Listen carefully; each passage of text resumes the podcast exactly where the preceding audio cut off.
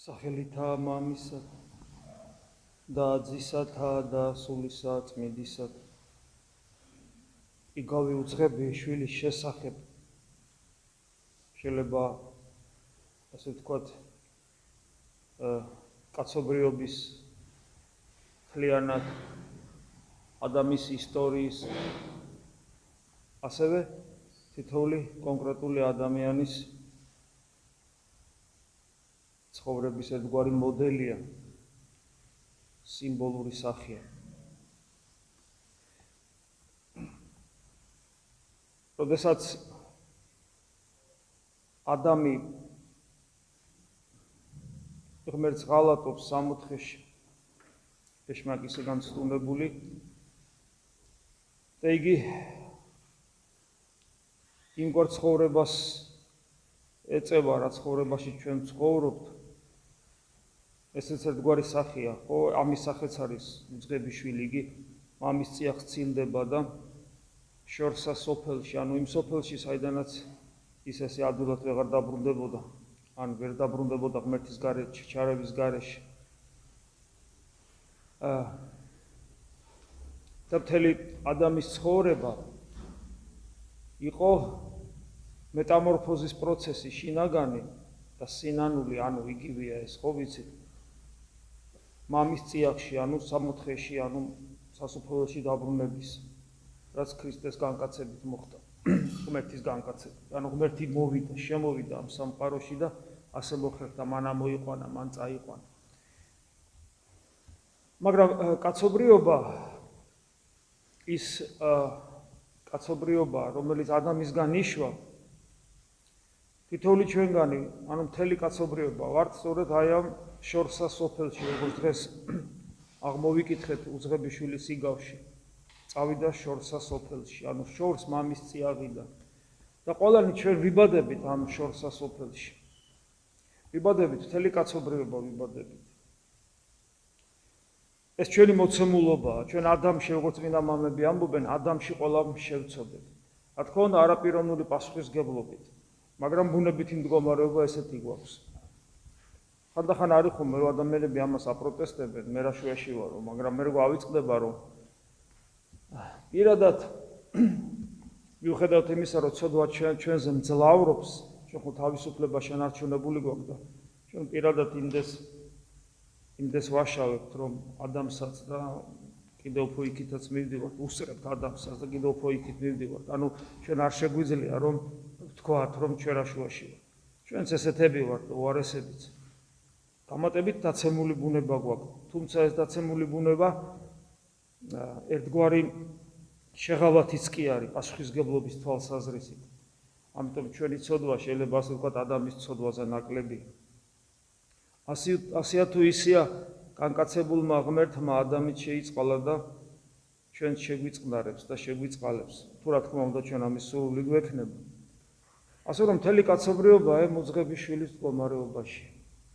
უძღებიშვილი მძიმე მდგომარეობაში აღმოჩნდა მამისეული ფუფუნებიდან აღმოჩნდა ისეთ მდგომარეობაში რომ მას ღორების საჭმელი ელატრებოდა. ღორი შეგნებულად არის რა თქმა უნდა მოყვანილი ამიგავში მრავალი გასაგები მიზეზის გამო. მაგრამ თავარი ის არის რომ ღორი საჭმელიც ვენატრებოდა ეს იმას ნიშნავს რომ ადამიანს რომელსაც საოცარი ცხოვრება ქონდა მამის სახლში სრული ფუფუნებითა და დიდებული პატივით უცებ ღორზე ღორებზე უარეს მდგომარეობაში აღმოჩნდა. ეს ნიშნავს იმას, რომ კაცობრიობა, ანუ ჩვენ ვიყავით რომ დიადი პატივისათვის გაჩენილი და შექმნილი, რომელსაც ღმერთთან შვილებრივი ურთიერთობა ქვია, ღმერთის შვილის მდგომარეობა ქვია. ჩვენ აღმოჩნდით აი ამ მდგომარეობაში, როდესაც ჩვენზე მძლავრობს ცხოველური ინსტინქტები და კიდევ უფრო უარესი დემონური მიდრეკილებები სიამაყეს გულისხმობ, რომელიც თითოეულ ჩვენგანს საკმარისად აქვს და შესაბამისად ჩვენ აი ამ უძღების შვილის იმ მდგომარეობაში ვართ, როცა მას ღორების საჭმელი ენატრებოდა და არ ქონდა, ანუ ცხოველზე უარეს მდგომარეობაში ვართ. ესეც არის ცხოველი, რომელიც ამ ქვეყანაზე არსებობს, რომელიც პრინციპში კაცმა რო თქვას, ასევე არ არის სახარბიოლო სახარბიოლო მდგომარეობაში, იმიტომ როგორც მიწამ აღმოაცენა აღმოაცენა ძეძვი და ეკალი ცოდვი დაცემის მერი ანუ ფიზიკური სამყაროს მატერიალური სამყაროს დაზიან და ასევე ცხოველების რომელიც ნაწილნი არის ამ მატერიალური სამყაროსი იქაც შევიდა ეს დაზიანება და ამიტომ ჩვენ ვიცით რომ ერთი ცხოველი მეორეს ჭამს და ასე შემდეგ ეს პრობლემა ყველგან არის. თუმცა რა თქმა უნდა ცხოველს ვერ ვიტყვით რომ ცხოველი იტანჯება ისე როგორც ადამიანი თუ ადამიანს ცნობიერება აქვს.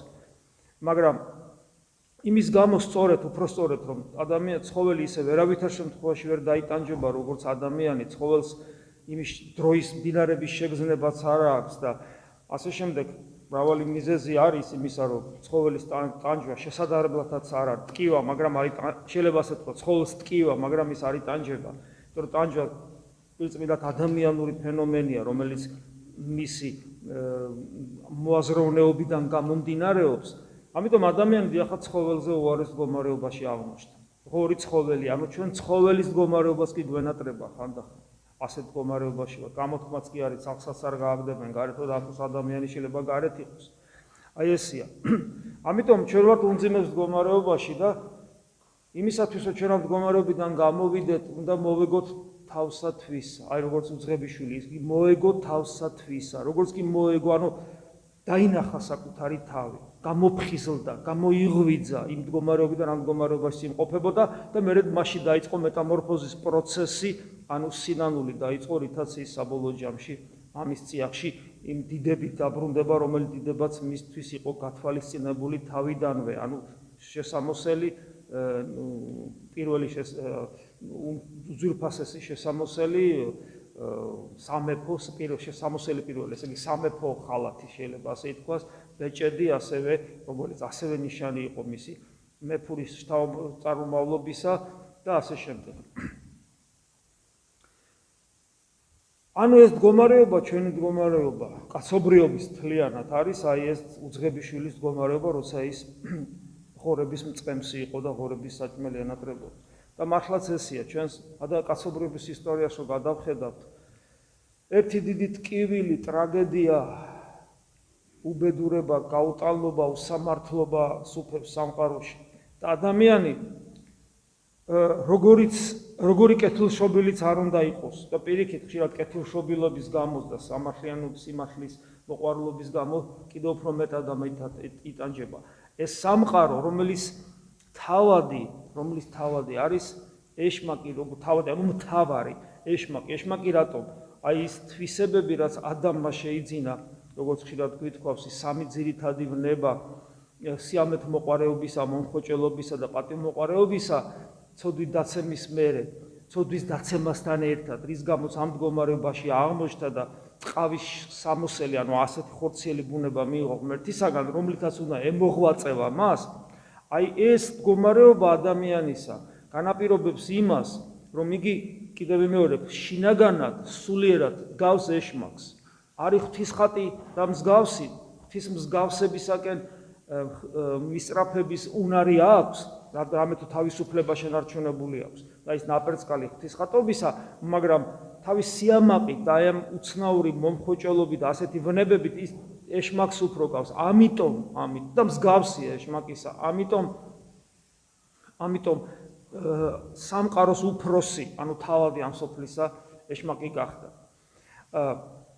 და შესაბამისად სამყარო არ სამყაროში არ ვერ ბატონობს, კი, ზნეობრივი კანონების არსებობს, სულიერი კანონებიც არსებობს, მაგრამ ეს სულიერი და ზნეობრივი კანონები ძალიან დაჩაგრულია, ძალიან თითქოს ხშირად არც კი ჩანს, იმდენად წაყრილი აქვს მტვერი ამსოფლიური და აი ამ დემონური კანონებისა, როცა კიდევ მეორე სამართალს ხანდახან ხშირად ვერ იპოვი და სიმართლე იჩაგრება და ყველაზე მთავარი წვერვალი ამ სამყაროს მიერ გამოვლენილი ბოროტებისა და ჭეშმარიტი სიმართლის დაჩაგვრისა იყო ქრისტეს ჯვარცმა, როდესაც მოვიდა მწვერვალი სათნოებისა, სიყვარულისა, სამართლიანობისა და კაცობრიობამ არათუ ვერ დაინახა, შეიძლება ვერ დაინახო. არა. არათუ ვერ დაინახა, დაინახა, მოიძულა და სასიკვდილოდ გაიმეტა. ეს ნიშნავს იმას, აი უფალი ამბობს, მე თუ მდევნეს თქვენს გდევნიან. ეს რა თქმა უნდა უშუალოდ ქრისტეს ქრისტიანს ეხება პირველ რიგში და ზოგჯერ პირდაპირ პირდაპირ, როცა ქრისტიანების დევნა არის გარკვეულ ეპოქაში, გარკვეულ რეგიონში და ეს ყოველთვის ხდება, დღესაც ხდება ქრისტიანების დევნა სამყაროში, მაგრამ ამავე დროს ეს თუ ქრისტიანების დევნა ეს ისტორიული გარემო არ არის იმგვარი რომ ქრისტიანები დევნებოდეს ეს ხდება ყოველ ადამიანში. ადამიანი რო ხდება ქრისტიანი იგი თვითონვე იდევნება საკუთარი დაცემული ბუნებითვე. და ჩვენ ვიცით რა მძიმეა საკუთარ უწმუნოებასთან, უღმერთობასთან, უქრისტეობასთან, დაცემული ქვენაგზნობებთან, სიამაყესთან, ამპარტავნებასთან, შურთან, ეგოიზმთან, უსიყვარულობასთან, მრისხანებასთან, ყოველთან ყოველივე ამასთან ბრძოლა როგორი რთულია და ფაქტობრივად როგორ როგორ აგრესიულად გვავიც გდევნის საკუთარივე ბუნება ჩვენი გულიდან იესო ქრისტეს. და ჩვენ თუ იესო ქრისტეს მხარეს ვგებით ჩვენი პიროვნული არჩევნებით, ჩვენ როგორ როგორ ვიდევნებით საკუთარი თავიდან, აი პავლე მოციქულის სიტყვები გახსოვთ, მინდა ზეციერი, მაგრამ მიწიერს ვაკეთებ, ერთი მინდა მეორეს ვაკეთებ, ვინ მიხსნის მე ამისაგან მე მე უფალს შეღაღადებს. აი ეს ეს მდგომარეობა აქ ადამიანს. ამიტომ კეთილშობილება, სიმდაბლე, ყოველგვარი სათნოება, ჭეშმარიტი სიყვარული, სამართლიანობა, როგორც ასე ყოველთვის იდეონება, მაგრამ თუ ადამიანი პლუს კიდე ქრისტიანია, ის დამატებით, დამატებით იდეონება მათ შორის საკუთარი თავიდანაც. ამიტომ უფლის სიტყვები მე თუ მდევნეს თქვენს გდევნიან და როგორც პავლე მოციქულის იმეოროს მე ამ სიტყვებს, ეს ყოველი ყოველ ადამიანს განცდილი აქვს, გავლილი აქვს ეს გზა, შეიძლება ასე ითქვას, ამის გარეშე ადამიანი ზოგადად არ არსებობს და მით უმეტეს ქრისტიანმა ეს კარგად უნდა იცოდეს თუნდაც საკუთარი ცოდვილობიდან როგორ როგორ იდევნება მასში არსებული იესო ქრისტე, რომელიც მის გულში დამკვიდრებას ცდილობს ისე, რომ ჩვენი თავისუფლება არ შელახოს. მაგრამ აი ქრისტეს განკაცება, მან ღმერთი რო ადამიანად მოვიდა, მან ყველაფერი ადამიანური მიიღო გარდა ცოდვისა. ადამიანური უძლურებანი მიიღო, ადამიანური სიკვდილი მიიღო, ჯოჯოხეთში შთასვლა მიიღო. ესე იგი, ამ ქვეყნიური, თქვათ, უძლურებიდან გამომდინარე ტკივილები მიიღო ყველანაირი და მათ შორის მიიღო უსამართლობით გამოწვეული ტკივილი, როდესაც საბოლოო ჯამში ყოველასგან მიტოვებული აღმოჩნდა და ამით ტანჯვის ფენომენი, ადამიანური ტანჯვა, არა ცხოველური ტანჯვა, არა თქვა ბიოლოგიური ტანჯვა, არამედ ადამიანური ტანჯვა. ადამიანური ტანჯვაც კი აკურთხა შეიძლება ასე ითქვას. განწმინდა ადამიანური ტანჯვა. ქრისტეს სიკვდილის მერე ადამიანური სიკვდილი აღარ არის ჩვეულებრივი სიკვდილი, რაც მანამდე იყო. ქრისტე ქრისტეს სიკვდილის მერე ადამიანური სიკვდილი გარდაცვალებად გადაიქცა. თუ რა თქმა უნდა ადამიანს რწმენა აქვს, ხო? აი ესია ყველაფერში და თვით ტანჯვაც უსამართლო რო გეკცევა ეს წუთი სოფელი. ესეც და საკუთარ უნებებთან ბრძოლას თვით თვით უღმერთობის განცდად გახსოვთ ხო ქრისტეს ერთ-ერთი სიტყვები უკანასკნელი სიტყვები ჯვარზე ღმერთო ჩემო ღმერთო ჩემო რა ისათვის დამიტევე და ასევე ადამიანთაგან უგულებელს ყოფა ყველა მიატოვა ხო თითქმის ნუ იოანე მოციქული დარჩა და მელესაცხებლა დედები ჯვართან. ანუ ადამიანური ტანჯვა განწმინდა უფალმა და იგი მაცხოვნებელი ანუ გადამრჩენელი გახადა ამას იმიტომ ვამბობ რომ ეს ამ სამყაროში ტანჯვა გარდაუვალია. როგორც კი ადამ ადამი ამ ქვეყნიურ ცხოვრებას იწყებს იცით რომ პირველი შვილი კაენი გაუჩნდა მერე აბელი და კაენი უკვე აბელს კლავს. კაენი აბელს უსამართლოდ ექცევა და აბელი შეიძლება ვთქვა პირველ სახია წინასწარმეტყოლური სახია განკაცებული ღმერთის ტანჯვისა. და კაენი კიდე პირველ სახია კაცობრიობისა რომელიც ქრისტეს ვერ იცნობს და მოიძულებს და კლავს. აბელი აბელი ქრისტეს გავს. და აბელის ტკივილი აბელი აბსოლუტურად უსამართლოდ მოიკლა ხო? აბელის ტანჯვა აბელის ტკივილი და აბელის ესეთი ძალადობრივი სიკვდილი კურთხეულია ღმერთის განკაცებით და ტანჯვით და ამიტომ ღმერთი რომ არ არსებობდეს აბელის სიკვდილი არის უაზრო სიკვდილი აბელის სიკვდილი საშინელებაა და ჯობდა ესეთ კაცობრიობა საერთოდ არ არსება, ესეთ სამყარო საერთოდ არ არსებულიყო. მაგრამ იმის გამო, რომ ღმერთი არის, რომელიც, რომელიც მოდის და იტანჯება ადამიანის გვერდზე, ამიტომ აბელის სიკვდილზე ჩვენ არ შეგვიძლია ვთქვათ, რომ ეს უაზრო სიკვდილია, რამეთუ იგი ამ თავის სიკვდილით ქრისტეს ემსგავსება. ჩვენ შეგვიძლია განვავრცოთ აბელის ეს მდგომარეობა და შევხედოთ თელ კაცობრიობას. რამდენი ადამიანი უსამართლოდ მომკვდარა. ომებში რამდენი ადამიანი უსამართლოდ ყვდება. რამდენი ადამიანი ძალადობის ხერპლი ხდება. რამდენი ადამიანი კატასტროფების შედეგად იღუპება, სტიქიური უბედურებების შედეგად იღუპება. რამდენი ბავშვი ყვდება უსამართლოდ. და ასე შემდეგ, რამდენი ტრაგედიებით ახსავსია მთელი სამყარო. სასულიერო პირებმა ეს განსაკუთრებულად ვიცით. იმიტომ რომ ჩვენთან ასეთი ადამიანები, ამგვარი ადამიანები, ამგვარი პრობლემებით მოდიან, ამგვარი ტრაგედიები რო გადავტანიათ პირადად მათ ოჯახში და ასე შემდეგ. ეს იმდენად მძიმე გადასატანია, უბრალოდ ხანდახან ადამიანს აი ვაცრავთ პირიც კი გიშრება, იმდენად დიდ სტრესს იწვევს, რომ ვერაფერს ვერ ეუნები ადამიანს. მაგრამ და საშინელება ეს ეს წმენის გამოცდაც კი არის ხშირ შემთხვევაში, იმიტომ რომ რა უნდა თქვა ამ დროს, იმიტომ რომ ისეთი ტიპის უბედურებები ხდება სამყაროში, რომ პირველი კითხვა რაც შეიძლება ადამიანს გაუჩნდეს პროტესტის გზნობასთან შერეული, კი მაგრამ ღმერთი სად არის? და ჩვენ ხო ვიცით რომ ურწმუნო ადამიანების, რომლებიც თავიანთ ურწმუნოებას, თავიანთ უღმერთობას, თავიანთ უქრისტეობას აი ამ საშინელ მდგომარეობას იმით ამართლებენ, რომ სამყაროში სამართლიანობას ეძებენ. და არ ყოფნით ელემენტარული სიბზნე, რომ სამყაროში სამართლიანობა არასოდეს არ ყოფილა, მაგრამ მაგრამ აი ღმერთი ამ უსამართლო სამყაროში მოვიდა, რომელიც თვითონვე მოკვდა ამ უსამართლო სამყაროს ხელი.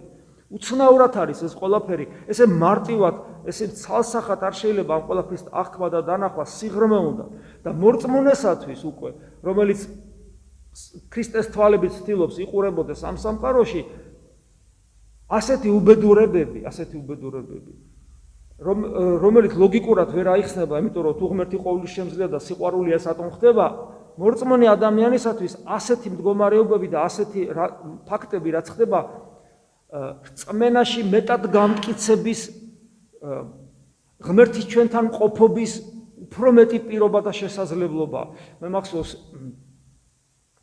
ერთ-ერთი ღვთისმოწყალე საუბრობდა საკონცენტრაციო ბანაკებში ნაცისტურ გერმანიაში როგორი როგორი როგორი დამოკიდებულება ჰქონდათ სხვადასხვა ადამიანებს და მათ შორის იუდეველებს ახსენებს რომლებიც საშინლად იტანჯებოდნენ განსაკუთრებულად ებრაელებს ტანჯავდნენ გერმანელები ჩვენ ვიცით და სუკითხვა ჰქონდათ რომ ჩვენი мама პაპის ღმერთმა რატომ მიგვატოვა, რატო ჩაყარა ამ ხელში და სად არის ღმერთი კითხვა ჩდებოდა ესეთი. რომელთაც პასუხი არ იყო. მაგრამ ამავე დროს ქრისტიანებიც იყვნენ და ქრისტიანთა დამოკიდებულება ძალიან უცნაური იყო. ქრისტიანების მონათრული ქრისტიანი კი არა, ნამდვილი ქრისტიანი, რომელმაც იცის სულიერი ცხოვრების ფასი. ქრისტიანისათვის ღმერთი ყველაზე მეტად სწორედ იქ იყო იმ საშინელ პირობებში. ეს უცნაური ანტინომიაა, უცნაური ალოგიკური მდგომარეობა. ქრისტიანი რაც უფრო უსამართლო მდგომარეობაში აღმოჩნდება და რაც უფრო იტანჯება, თუ ნამდვილი ქრისტიანია. უფრო გძნობს, რომ ღმერთი მასთან არის. იმიტომ რომ ტანჯვა თავად ღმერთის მიერ არის ნაკურთხი, იმიტომ რომ ეს ტანჯვა მომავალი აღდგომის, მომავალი მარადიული სიხარულის წინაპირობა, შემავალი კარებია შეიძლება ასე ითქვას. ეს ლოგიკურად აუხსნელია, ეს შეიძლება მხოლოდ ამ მხოლოდ განიცადო. ამიტომ ყოველი უსამართლოდ ტანჯული ადამიანი ამ სამყაროში აბელის მსგავსად უსამართლოდ ტანჯული ადამიანი ქრისტეს გზის ნაწილს გადის. ქრისტე ყველასთვის გაიარა ეს გზა და თითოეული ადამიანი უსამართლოდ ტანჯული ადამიანი თავისი ცოდვისათვის ქრისტე ცოდული მდგომარეობისთვის. ქრისტემ ყველა მთელი სამყაროს ცოდული, ანუ მთელი სამყაროს ღმერთს დაცილებული მდგომარეობისათვის და თითოეული ადამიანი თავისი თავის ცოდვილი, ანუ ღმერთს დაცილებული მდგომარეობისათვის, მაგრამ რაც უფრო, რაც უფრო უსამართლოდ ექცევა კონკრეტულ ადამიანს ეს სამყარო და რაც უფრო არ არის ღირსი ამ კონკრეტული ტანჯვის, ესა თუ ის ადამიანი, მით უფრო ბევრ ადამიანს ეხმარება ესეთი ადამიანი გარშემო ყოფებს იმიტომ რომ ასეთ ადამიანთან არის ღმერთი. ასეთ ადამიანთან არის ღმერთი. აი ეს არის აი ეს უძღები შვილის მდგომარეობაში რომ არის კაცობრიობა და ეს არის ის ის ის რითაც უძღები ვიტყვით რომ უძღები შვილის მდგომარეობაში ვარ თითოული ჩვენგანი. არა მარტო მაშინ როცა ჩვენ ვწოდავთ და თქვათ ღმერთს ღალატობთ. ან ეკლესიიდან მივდივართ და რაღაც ასე შემდეგ, ხო?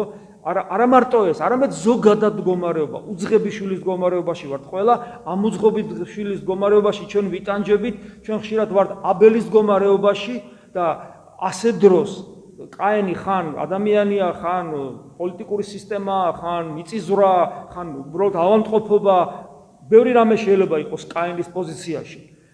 მაგრამ ხან კაენის მდგომარეობაში ვართ, იმიტომ რომ უცოდველი არავინ არ არის და ხან ჩვენ ნებსით უნებლიეთ ხვდებით მჩაგვრელის მდგომარეობაში. მაგრამ ნახეთ რა უცნაური რამ არის წმინდა წერილში. აშკარაა რომ ღმერთი აბელის მხარეს არის და აბელი უფალთან არის თავისთავად ცხადია, მაგრამ ღმერთი კაენის მხარესაც არის. არა იმაში რაც ჩაიდინა, არამედ იმაში რომ მისი მასე შურიზიების უფლება არ მისცა დანარჩენ მოდგმას ადამიანსა და ევისა. ევასი. პირიქით კაენი გაარიდა ამ შურიზიებას რომ ცალკე ეცხოვრა ეგების შეენანებინა, ხო? და პირიქით ამბობს, რომ კაენს ვინც შეეხება, ის ძალიან დაიჭება. მას მის მასე ხელის აღების უფლების უფლება არავის არ აქვს. უცნაურია. და ამით იცით რა მითხრა, რომ მე ხანდახან რომ აბელის გომარეობაში მგონია თავით, შეიძლება ვარ კიდევაც, ხშირად მე კაენის გომარეობაში ვარ და ამიტომ ამიტომ მე როდესაც ვიჩაგრები, მაშინაც ღმერთის იმედი უნდა მქონდეს და როცა ჩაგრავ, მაშინაც ღმერთის იმედი უნდა მქონდეს, იმიტომ რომ ღმერთი მე სინანულის საშუალებას მაძლევს. რომ თლიანობაში ყველა კაბელის და აბელის და კაენის ერთიანად ორივენი, ერთი დამნაშავე და ერთი მსხვერპლი, მაინც ორივე, ორივენი არიან აი მუძღებიშვილის გომარეობაში განდევნილნი, შეიძლება ასე ითქვას, იმ მამისეული წიაღიდან, 64-დან, რომელშიც ჩვენ ყველანი ერთად ვიმყოფებით. გარდა ამისა თითოეულმა ჩვენგანმა საკუთარ თავში უნდა დაინახოს, გააცოცხლოს ეს იგაური მხარე, როდესაც მამისეული სახლი, რომელშიც ჩვენ უნდა დავბრუნდეთ, ეს არის ჩვენი შინაგანი სამყარო, ეს არის ჩვენი გული, გული ანუ არა ანატომიური გული, არამედ შინაგანი სულიერი ცხოვრების ცენტრი, რასაც ქვია.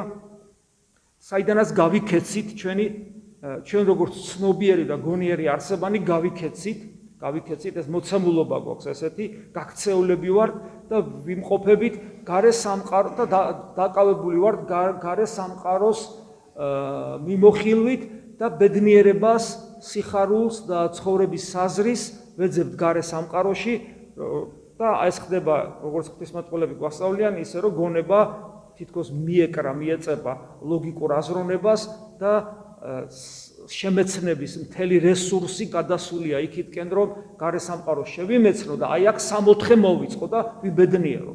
და იქამდეც მივდივარ რომ შინაგან სამყაროს ანუ ზეცას საერთოდ ვივიწყებ და ღმერთის გარეშე ვაწყობ ბედნიერება. ჩვენ ხედავთ კაცობრიობის ისტორიაში როგორ რეალიზდება ესეც.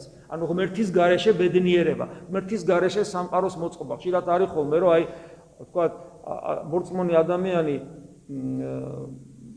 გარკვეული დროის მერე წდება ეკლესიას და იწყებს ინტენსიურ ინტენსიურად ბედნიერების მოწყობას ღმერთის გარეშე და რა თქმა უნდა ყოველთვის კრახით თავდება, არასოდეს ვერ აღწევს ადამიანი ამას და მე მადლობა ღმერთს, რომ მრავალი მათგანი ფხიზლდება და სწორედ ამას ვეუბნებით ხოლმე, რომ შენი მთავარი პრობლემა ის არის, რომ შენ გინდოდა ყოფილიყავი ბედნიერი, ისე რომ ქრისტესთან ერთობა არ ქონოდა და მადლობა ღმერთს, რომ ეს არ გამოვიდა. და არ არ არ გაცნობა ბოროტომა ამ ქვეყნიური ფუფუნების დიდი მოზღვავებით, რომ საბოლოოდ დაგევიწყებინა ღმერთი. აი ეს არის. ამიტომ ჩვენ ჩვენი გონებით, ანუ ჩვენი იმ შემეცნების ორგანოთი, რომელთაც ღმერთის შემეცნება შეგვიძლია, ეს სასწაულია. ადამიანი რო ცხოველი იყოს, ახ ცხოველს როგორ შეუულია მატერიის ნაწილს ტრანსცენდენტული ღმერთის შემეცნება არ შეუულია, მაგრამ ჩვენში არის გონება, გონება, რომელიც ლოგიკური აზროვნება კი არა, კიდე უფრო სიღრმისეული მოცემულობა, რომელსაც აქვს შემეცნების უნარი, რომელსაც აქვს ურთიერთობის უნარი ტრანსცენდენტულ ყოფიერებასთან. ესეთი ადამიანი, ამით განსხვავდება ადამიანი ცხოველისგან და არა იმით, რომ უბრალოდ აზროვნებს და ასე შემდეგ. და აი ის გონება, გონება რასაც ქვია, ქართულად ლოგიკური აზროვნებას და ისიც გონება გონებაა, მაგრამ ბრძოლად ეს სხვადასხვა სიტყვებით გამოიხატება და გონებით უნდა დავბრუნდეთ იქ, სადაც ღმერთი გველოდება, განსაკუთრებულად ნათალღებულ ადამიანებს, რომლებშიც რო თვითო რამე თუ თვითონ ნათალღებულ ადამიანში ღმერთის თავის სახთო ენერგიით იმყოფება გულში. ჩვენ უნდა დავბრუნდეთ იქ, შიგნით, გულში. ეს არის სწორედ გონებისმიერი ლოცვის, საერთოდ ლოცვის, ლოცვის მთავარი мотиваცია. ჩვენ და იმიტომაც აი დღეს 60 ქულოში კორინთელთა ეპისტოლეში წავიკითხეთ, რომ პავლე მოციქული გვახსენებს, რომ თქვენ ტაძარი ხართ ღვთისა პოტენციაში. ღვთის ტაძარი რას ნიშნავს? ტაძარი ნიშნავს ღმერთის საუფლოს. ანუ პავლე მოციქული გეუბნება, რომ ღმერთის საუფლო ხარ, ღმერთის სახლი ხარ, ღმერთის ჭურჭელი ხარ. ოღონდ პოტენციაში. იმიტომ რომ ეს არ არის რეალიზებული, ეს უნდა რეალიზდეს. და ლოცვის მთავარი მიზეზი და მთავარი მიზანი და თავარი мотиваცია ეს არის ანუ უძღები შვილის ანუ გონების გაქცეული ღმერთისგან, მამისგან გაქცეული გონების, რომელიც ეს გენეტიკურად მოგვეცა ჩვენ, უკან დაბრუნების პროცესი. ანუ გულში ჩასვლის პროცესი, რაც რასაც ისიქასტური პრაქტიკა ქვია, დაყუდებული მდგომარეობა ქვია, ესე იგი გონების მიერი ლოცვა ქვია, და საბოლოო ჯამში ლოცვამდე მივდივართ. ლოცვა, ლოცვა, რომლის мотиваცია არის ღმერთთან დაბრუნება და არა რაღაცის თხოვნა. რა თქმა უნდა, თხოვნა ყველაფერი შეიძლება, იმიტომ რომ ღმერთი ღმერთი გვაცოცხლებს და ღმერთი გვასუნთქებს, მისით ვარსებობთ, მისით სუნთქავთ და ყველაფერი, მაგრამ თუ ჩვენ ვერ მივხვდებით ქრისტიანები იმას, რომ ლოცვის თავარი мотиваცია ჩვენში დამკვიდრებული ღმერთთან კომუნიკაცია და ერთობაა და თუ ჩვენ ამ მდგომარეობას არ მივახცევთ მაშინ ჩვენი სულიერი ცხოვრება ყოველთვის ნაკლული და არაჯანსაღი იქნება. და შესაბამისად, ჩვენ რისკავთ ჩვენი მარადიული სიცოცხლით, იმიტომ რომ მარადიული სიცოცხლე მხოლოდ და მხოლოდ ღმერთთან ყოფნა და სხვა არაფერი. ისევ თქვი სხვა არაფერი გეგონება კიდე რამე იყოს საჭირო ღმერთია სისავსე ყოველგვარი ყოფიერებისა და ბედნიერებისა, მაგრამ აი ესე იმიტომ თქვი რომ ადამიანი ყველაფერს ცდილობს იგივე სულიერ ცხოვრებაში, რაღაც აღარ ითხოვს ღმერთისგან. მატერიალურს ფიზიკურს, სულიერს, ფსიქოლოგიურს, ყველაფერს ითხოვს ღმერთისგან. კიდევ მეორებ აკრძალული კი არ არის. აბა мамაა ჩვენი და ვის უნდა თხოვო, მაგრამ თავარი ეს ხდება ხოლმე და ეს არ არის თავარი, მეცაც გეტყვით. ეს საერთოდ რომ არ იყოს ჩვენ ცხოვრებაში, ღმერთისგან მიტოვებული მაინც არ არის, ჩვენ რომ ღმერთს აიმეს ვთხოვ, ეს მაინც სულ მოკლეობა, ჩვენი წმენის დეფიციტია, თორე უფალმა გასაგებად გითხრა წმინდა წერილში, სასუფეველი ეძებენ და мамამ განა არ იცის შე რა ხჭი სანამ თხო სანამ თხო მანამდე იცის შე რა პრობლემა გაქვს. მაგრამ არა ჩვენ ვთხოვთ იმიტომ რომ ვფიქრობთ რომ მან არ იცის რომ ეს მჭირდება და რაც თავარი არ ყველაზე საშნელება ისაა რომ ლოცვის თავარი мотиваცია არა მაქვს სასუფეველი და რა არის სასუფეველი? წინა მომები ხირად მithkos ხოლმე. შიმონ ახალი ღვთისმეტყველი ამბობს რომ ნიკოლოზ კავასილა მაგრამ ეს ყველგან ოქროპირთანაც და ყველგან ეს აზრი იკითხება, რომ სამოთხე და სასუფეველი არის იესო ქრისტე, ანუ ცოცხალ ღმერთთან ერთობა. მაგალითად მომყავს ხოლმე, აი პატარა შვილი რო ყავს, ან შვილი შვილი პატარა, პატარა და გულში რო ჩაიკრავ. გულში რო ჩაიკრავ და რაღაც საოცარ სიყვარულს რო გზნობ გულში და ვიღაცამ რო კითხოს, ეხლა მაგათ რა სახვეწები რა გინდა მისგან? ხო გაოცდები, რა უნდა მინდოდეს მისგან? მისგან რაც მინდა უკვე მაქვს, ანუ რა მაქვს? გულში მყავს ჩაკრული. გესმის გულში მეტი არაფერი არ მინდა მისგან, აი ეს მინდა და მეტი არაფერი. წარმოგიდგენიათ? ზუსტად ეს დამოკიდებულება უნდა იყოს უფალთან.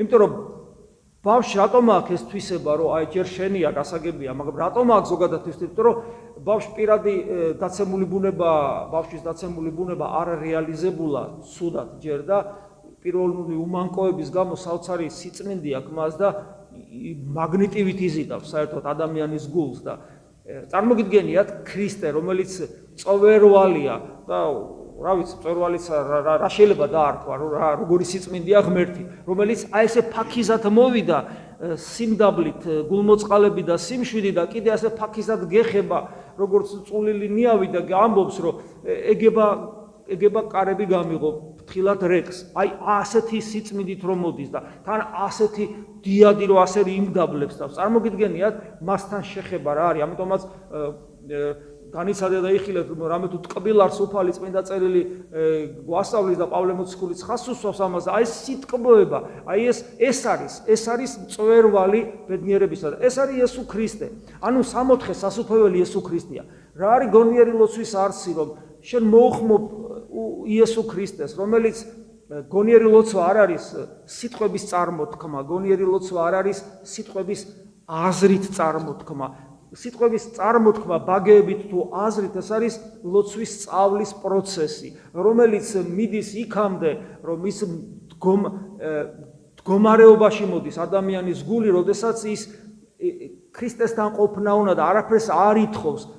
ფორმულირება სიტყვების წყობა შეიძლება შემცირდეს ერთ სიტყვამდე, მარტო იესუმდე დავიდეს, აი იესუ, იესუ, მარტო ეს სახელი, რომელიც ისიც შეიძლება აღარ იყოს, ის მდგომარეობა მოვიდეს, რომელსაც ეს სიტყვა თავის თავში იტევს, თავის თავში იტევს და ეს მდგომარეობა იქცევა ადამიანის სუნთქლად, გულისცემად და სიცოცხლედ, როცა ადამიანი აი ესეა, მის შინაგან მდგომარეობთ იესუ, იესუ ეს ეს ეს არის სამოთხის მდგომარეობა, როცა ადამიანი ამას აღწევს. იმიტომ იყო რომ ამები რო ახსენებდნენ სახელს, ეცრემლად იღურებოდნენ ნამეტნავი ბედნიერებისაგან და ხშირად ეს ბედნიერება იმდენად ძლიერი იყო, რომ თხოვდნენ რომ შიანელე შენი საფრთხო ენერგია ნუ მადლი, იმიტომ რომ ფიზიკურად ვერ უძლებს ადამიანი აი ამგვარ ბედნიერებად ხორჩი მყოფი ადამიანი.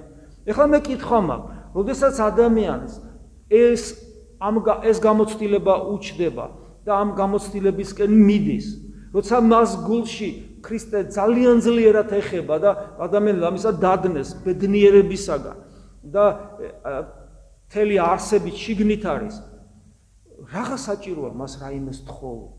განა მან არ იცის 60 ანუ სასუფეველი ეძებდა განა არ იცის მან რა გჭირდება შენ და რა რაღაცო ხებს და აი мотивация ლოცვის არაუნა იყოს. შენთან არის ღმერთი და მან არ იცის შენ რო ხშია, შენ რო წყურია, შენ რო ავათახარ შენ ახლობელს რა პრობლემა აქვს. ეს ხო ყველაფერი იცის.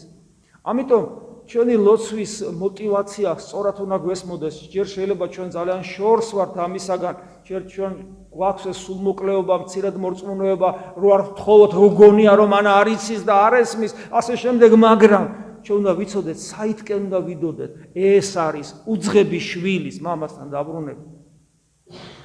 და თითოეულმა ჩვენგანმა რომ თითოეული ჩვენგანმა რომ გააცნობიეროს თავი უძღებიშვილი არა მხოლოდ იმით რომ ცოდვა ჩავიდინა და წავედი შევინანე გარეგნულ ფორმაში არამედ აი ესე ონტოლოგიურად არსობრივად საკუთარ თავში დაბრუნება. ესე რომ გავიაზრო თითოეულმა ჩვენგანმა ჩვენი უძღებიშვილობა და ჩვენი დაბრუნება მამის წიაღში წარმოგიდგენიათ რომ ეს და ეს ეს ეს თუ გავაკეთეთ ჩვენ და ეს თუ გავაკეთეთ ქრისტიანებმა ჩვენი ეკლესია ზოგადად ეკლესია მთლიანად უკვე რომელიც შედგება ამ ცოცხალი უჯრედებისაგან ამგვარი ადამიანებისაგან გაბწყინდება აბა რა იქნება?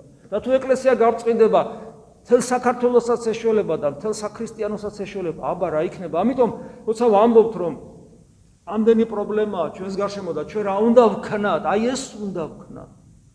თან ამავე დროს ხო ვიცი ხა ადამიანის საკვარი აზრი როგორია? რომ მარტო ეს თუ ქენით აბა საქმე ვიღამ გააკეთოს. საქმეც იმაშია რომ ამაზე ჩვენ რაზეც საუბრობ ეს არის ადამიანის შიდა ცხოვრება რომელიც ხელს არ უშლის ადამიანის გარე ვალდებულებების აღსრულებას. ნებისმიერ პროფესიაში გარდა ცოდვისა ეს ამის ამას არ ჭირდება მონაზვნობა ამას არ ჭირდება მღვდლობა ამას ჭირდება ქრისტიანობა რომელიც თავის თავში მოიცავს ყველაფერს ნებისმიერ სოციალურ მსახურებაში, ნებისმიერ სტატუსში და ნებისმიერ ხარისხში. აი ამაშია საქმე. ამიტომ ჩვენი ხელები ჩვეულებრივად აკეთებენ ამ ქვეყნიურ საქმეებს და ვალდებულებებს აღასრულებენ და ეს რაზეც მე ვსაუბრობ, ეს არის ადამიანის შიდა პროცესი, შიდა ცხოვრება, რომლითაც მე ეს ჩემი ხელებიც იკურთხება და ჩემი ხელიდან გაკეთებული ყველაფერი კარგი იქნება და სწორი იქნება. და რა თქმა უნდა გარეგანი ეკლესიური ცხოვრებაც ამ შემთხვევაში იქნება არაფარისეულური, არამედ ნამდვილი. რა თქმა უნდა, მარხვაც ნამდვილი იქნება, რომელიც მალე დაიწყება და აღდგომის სიხარულსაც ნამდვილად აღნიშნავთ. რამე თუ ის მთავარი ჩვენში იქნება რეალიზებული. შეგვეციო სუფალი და მოგცეს ძალა ამგვარად ცხოვრების, რომელიც არის ჭეშმარიტი ქრისტიანობა. ამინ. მადლი უფლისა ჩვენისა იესო ქრისტეს და სიყვარული ღვთისა და მამის და ზიარება სული საწმინდისა იყოს თქვენ ყოველთა თანა. ამინ.